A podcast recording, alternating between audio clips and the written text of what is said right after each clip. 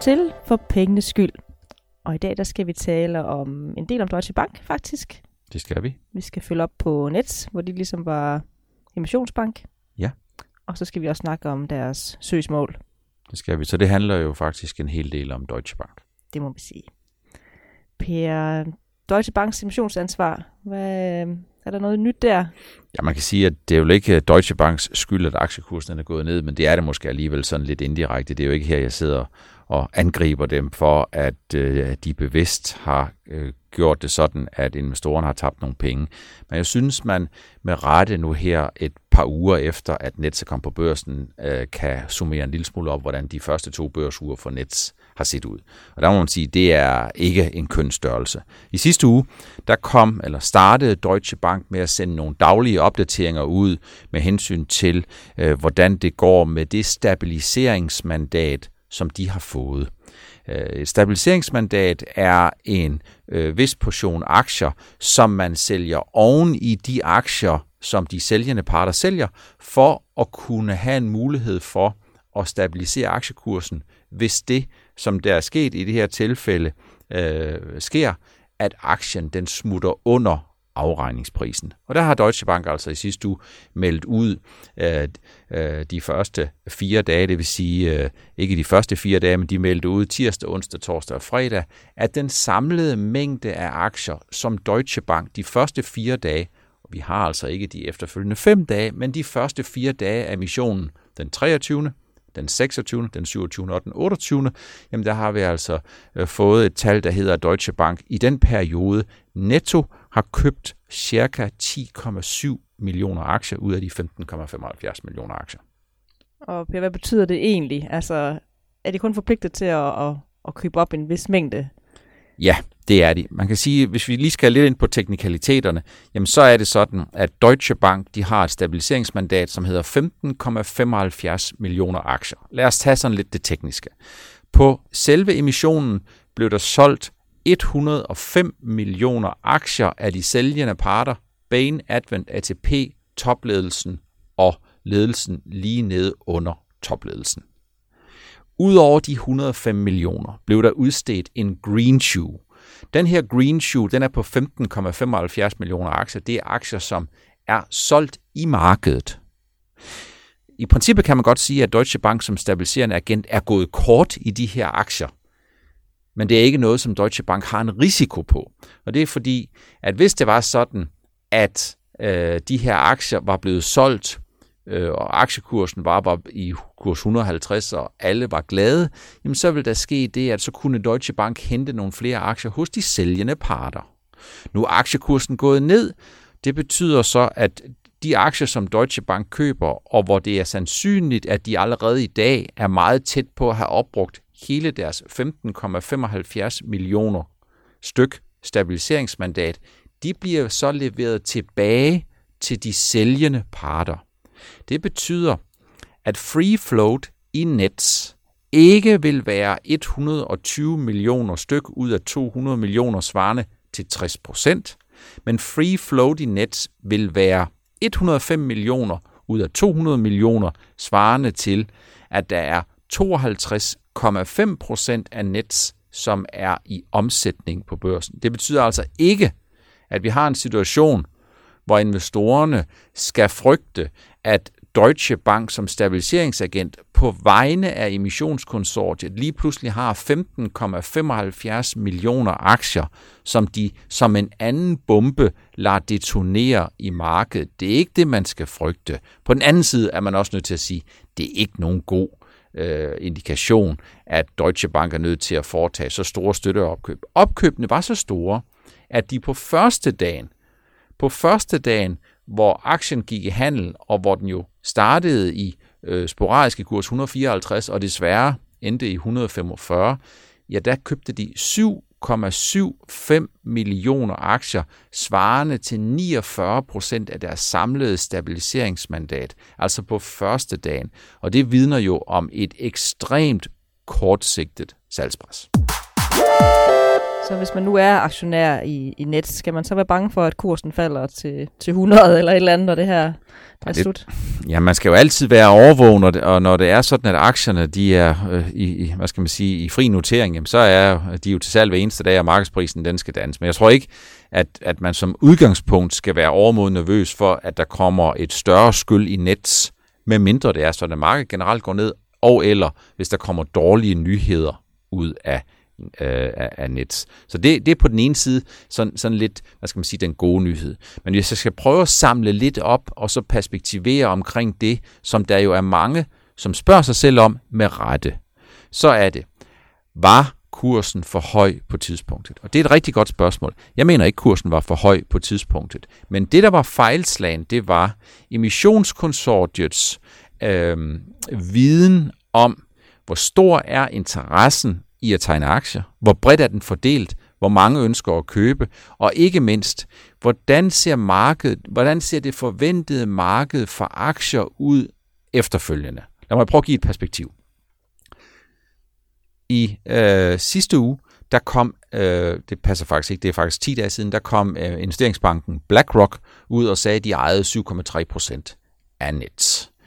Øh, hvis de ejer 7,3% af net, så der er lidt over halvdelen af net, som er kommet på børsen, så svarede det til, at BlackRock har købt cirka 14% af de aktier, som er kommet i fri handel. Som prøver at sige, at de har købt en betydelig del af dem i forbindelse med øh, emissionen, og så har de købt noget i det sekundære marked bagefter, så tegner det et billede af, at den efterspørgsel, der har været eksklusiv BlackRock, har været væsentligt mindre end det indtryk, man kunne få, når man hørte nogle forlydende fra emissionskontoret, og ikke mindst, når man ligesom kunne få indtrykket af, at aktiekursen var præciseret i den øvre ende af intervallet. Så her er min konklusion. Aktien var for dyr i forhold til den efterspørgsel, som emissionskonsortiet vidste, men som vi som almindelige investorer ingen anelse havde om, og som vi var nødsat til at støtte på de udsagn og de forlydender, der kom fra konsortiet. Så aktien isoleret set mener jeg ikke var for dyr, men set i forhold til den efterspørgsel, der var, der var den for dyr. Det var der ingen af os, der kunne have en reel viden om. Havde jeg vidst, at en øh, syvende del af selve øh, emissionen var tegnet af en enkelt investor, så ville jeg klart have vidst, at efterspørgselen den var mindre, end man kunne forestille sig. Set i forhold til de her ting og kun set i forhold til det relative forhold mellem udbud og efterspørgsel og den efterfølgende interesse, så ville den rigtige aktie, eller den rigtige pris på aktien, have været 135, og jeg vil konkludere, at Nets har været øh, introduceret 10% for dyrt. Så er det lidt ligesom, når man skal sælge sit øh, hus, og man får nogle ejendomsmalere ud, og så kommer til at vælge dem, der, der tror, de kan sælge huset dyrest.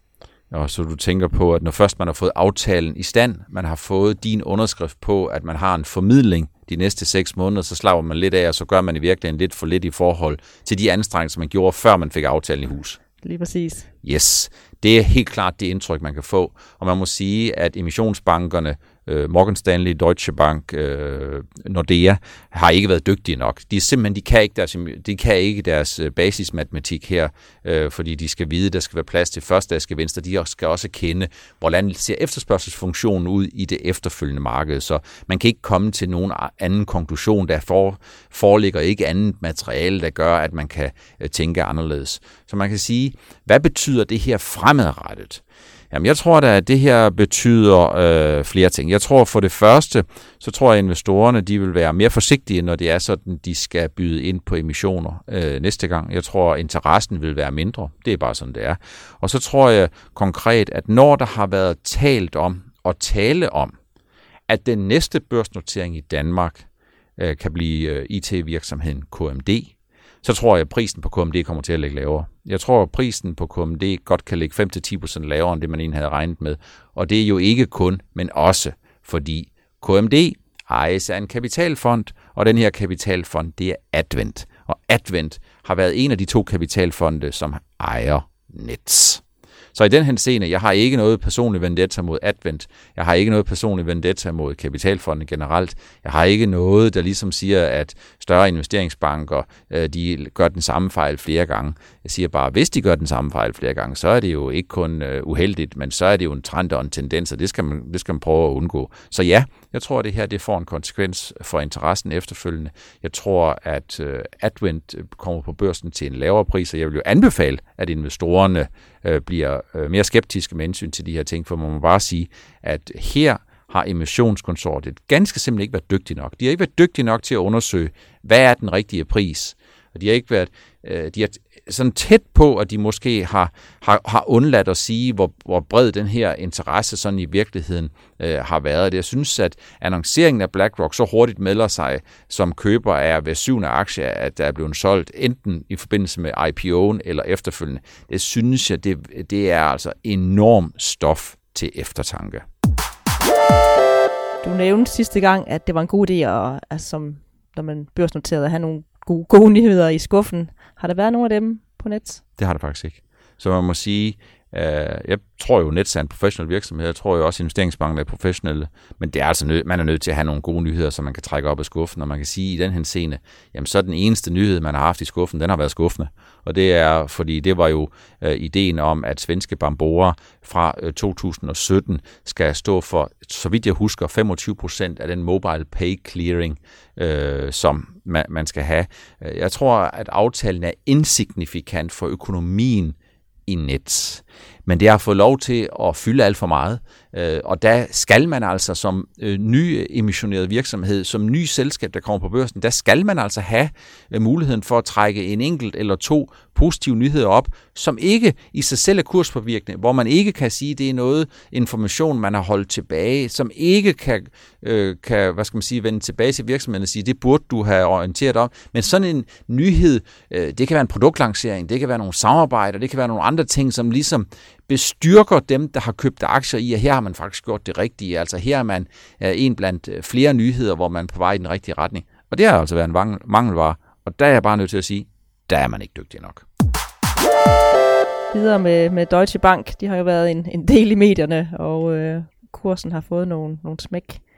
Hvorfor, hvorfor har den det, Per? Jamen det tror jeg, det er øh, investorernes frygt for, at øh, en af verdens største derivatbanker, om, øh, om de ikke øh, med det, vi ved i dag, øh, er i store problemer, men om den risiko, man løber ved at have så stor en derivatbog, altså sådan en stor bog, hvor man har øh, nogle risici, som er nemmere at gøre op, og nogle risici, som måske er mere syntetiske og kunstige, og som har svært ved at gøre op, om det er noget, der regulært set kan true Deutsche Banks overlevelse. Jeg har skrevet et indlæg på nordnetbloggen.dk, der hedder Er øh, Deutsche Bank øh, det nye Bear Stearns? Bear Stearns var en investeringsbank, der gik ned i marts 2008, og når jeg har sammenlignet den her, så er det ikke fordi, at det her det er en køb- eller salgsanbefaling på Deutsche Bank.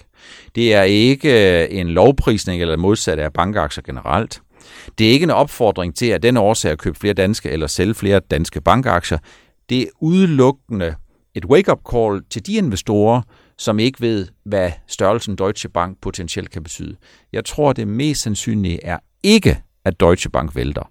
Men når jeg har lavet sammenligning, så er det fordi, at når du har så stor en mastodont som Deutsche Bank, øh, øh, som har et, øh, et forretningsomfang på en 7-8-9 gange Danmarks bruttonationalprodukt øh, øh, med balancen, og så har de sikkert en hulens masse ting off-balance, som slet ikke er taget med ind, jamen så er det øh, en størrelse, man skal tage øh, Øh, eller holde øje med, ikke mindst, og det er jo det, der er faktisk er min pointe.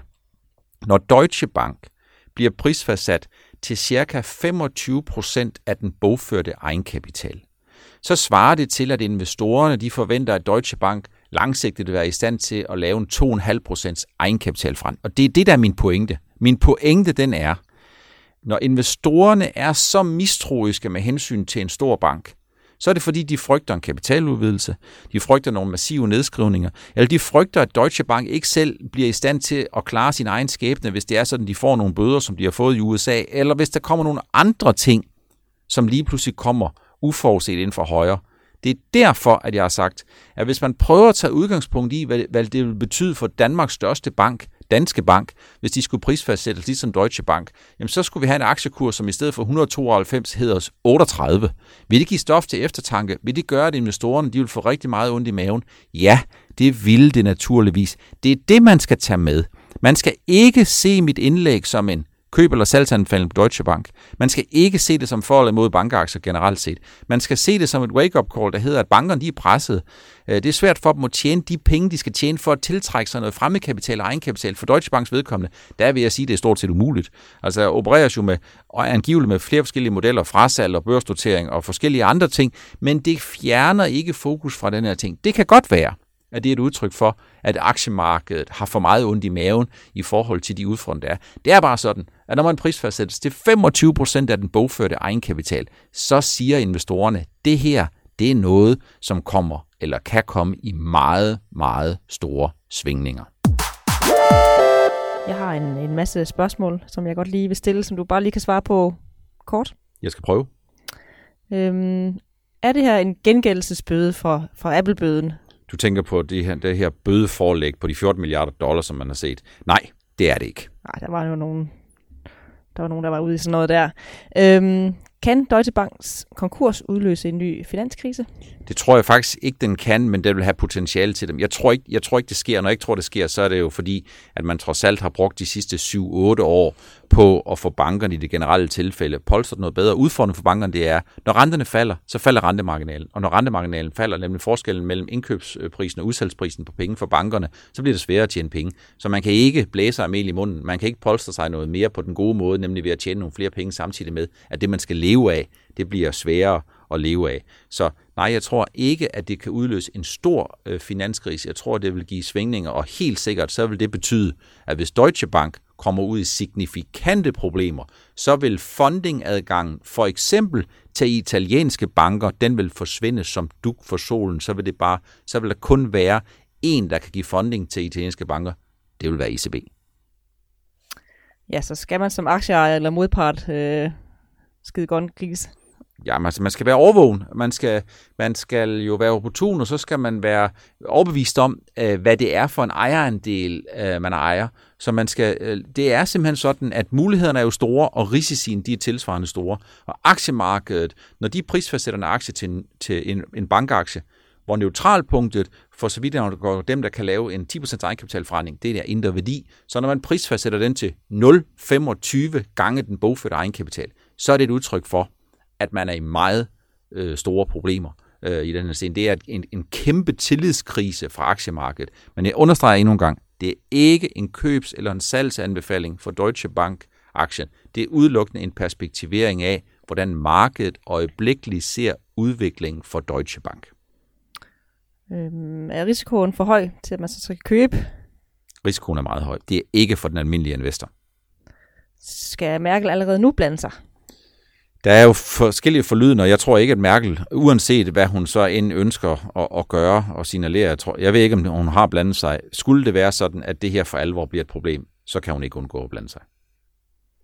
Er der andre banker, der har bøder på vej? Jamen, der har jo været bøder, der er udstedt bøder i, en lang, i et langt væk i USA, og det er rigtigt, som der er en, der på bloggen har gjort mig opmærksom på, at de her store bøder er jo som udgangspunkt oplæg til forhandlinger, og i hovedsagen, jamen så er der jo sket det, at de her bøder, de er endt med at blive et sted mellem 25 og 35 procent af den her bødestørrelse. Og det vil, i Deutsche Banks tilfælde, så vil det jo betyde, at de 14 milliarder dollars, som var oplægget til den her bøde, måske snarere kommer til at hedde 3-5 milliarder dollar, som der har været, øh, som der har været forlydende om. Øh, 3-5 milliarder dollar vil selvfølgelig være mindre end de 14. Det vil øh, sandsynligvis være noget, som Deutsche Bank godt kan klare, øh, men der er en reel risiko for, at de skal ud og foretage nogle frasalg, eller de skal ud og lave en kapitaludvidelse. Og det er altså sådan, at skal de ud og lave en kapitaludvidelse, så er det øh, lige så sikkert som ammen i kirken, eller i hvert fald meget overvejende sandsynligt, at der kommer en udvandring af de eksisterende aktionærer. Det skal man også øh, tænke på. Så hvad bliver deres største udfordringer på, på kort sigt? Den største udfordring, det er at undgå, at den her tillidskrise, den eskalerer. For hvis den eskalerer, så vil der ske det, at der vil være en reel risiko for, at det her det udvikler sig noget i retning af Bear Stearns. Og lad mig bare lige øh, øh for historieskrivningens skyld sige, hvad der skete med Bear Stearns. Bear Stearns var USA's 4. 5. største investeringsbank, da de gik øh, konkurs i øh, marts-april måned 2008. Øh, om tirsdagen, øh, eller mandagen, meddelte Bear Stearns, at vi forstår faktisk ikke alt den virak omkring vores aktiekurs, for vi har masser af penge i kassen, og øh, vi er meget solidt funderet. Tre dage senere var de overtaget JP Morgan. Udfordringen det var, ud af de her 16, 18, 20 milliarder dollar, de sagde, de havde i beredskab, så var der 2 milliarder i egenkapital. Resten, det var trækningsfaciliteter fra andre banker. I det øjeblik, hvor andre banker mærker, at der ikke er den fornødne sikkerhed, så vil de ikke give funding. Punktum.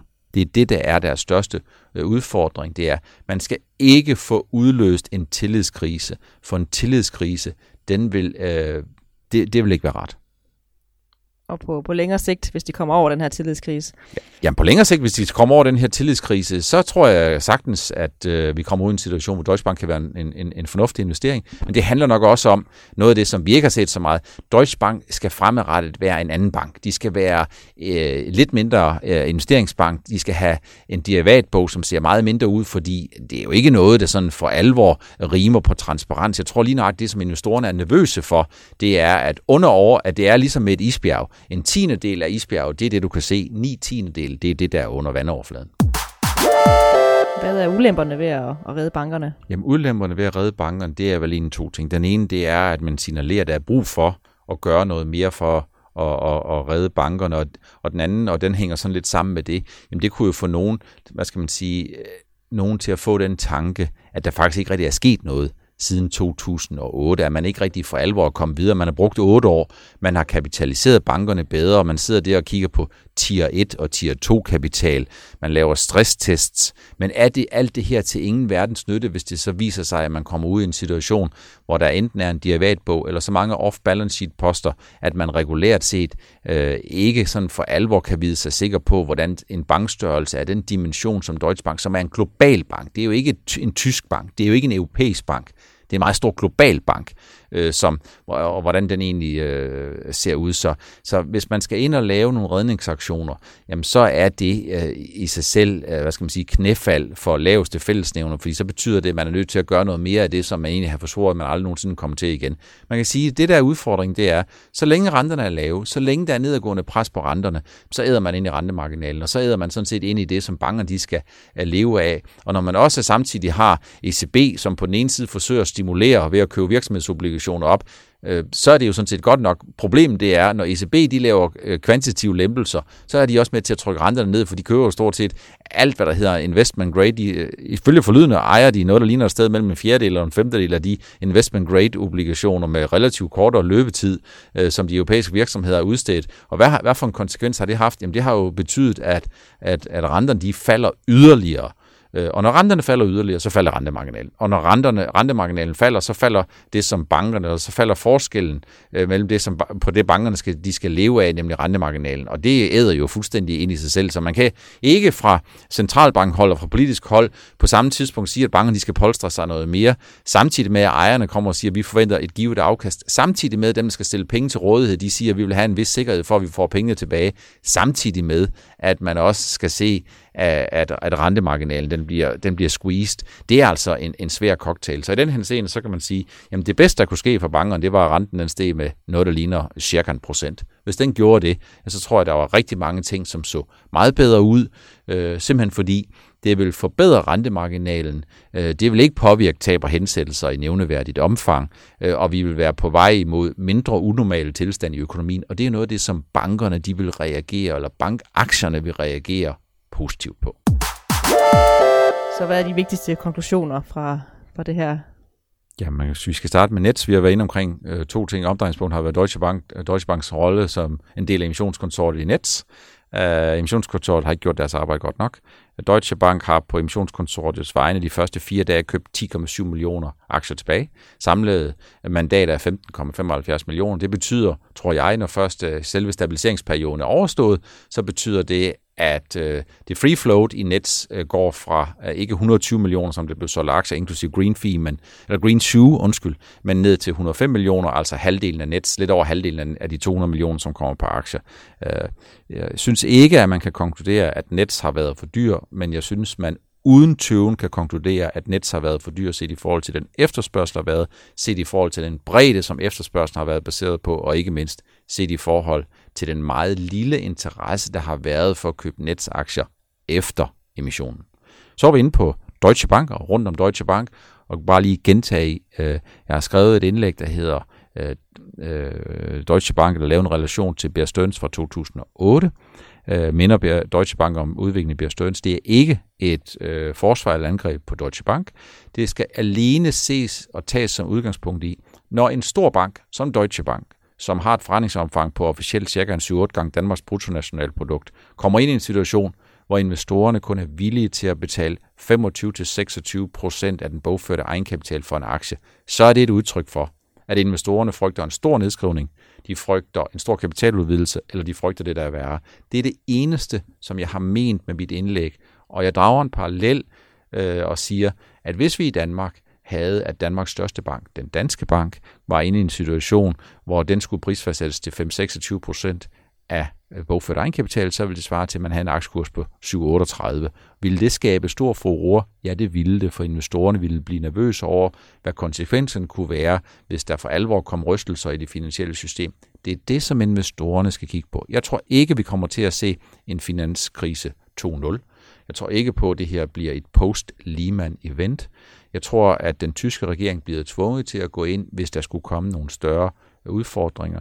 Jeg tror og håber på, at Deutsche Bank de klarer den, men det er ikke så meget det, det handler om. Det handler for mig om, at investorerne må ikke ignorere den risiko, der ligger i, at når man kun er villig til at betale 0,25 gange bogført egenkapital, så svarer det til, at man forventer, at Deutsche Bank de kommende år kun bliver i stand til at forandre egenkapitalen med 2,5 procent. Og det er altså ikke nok.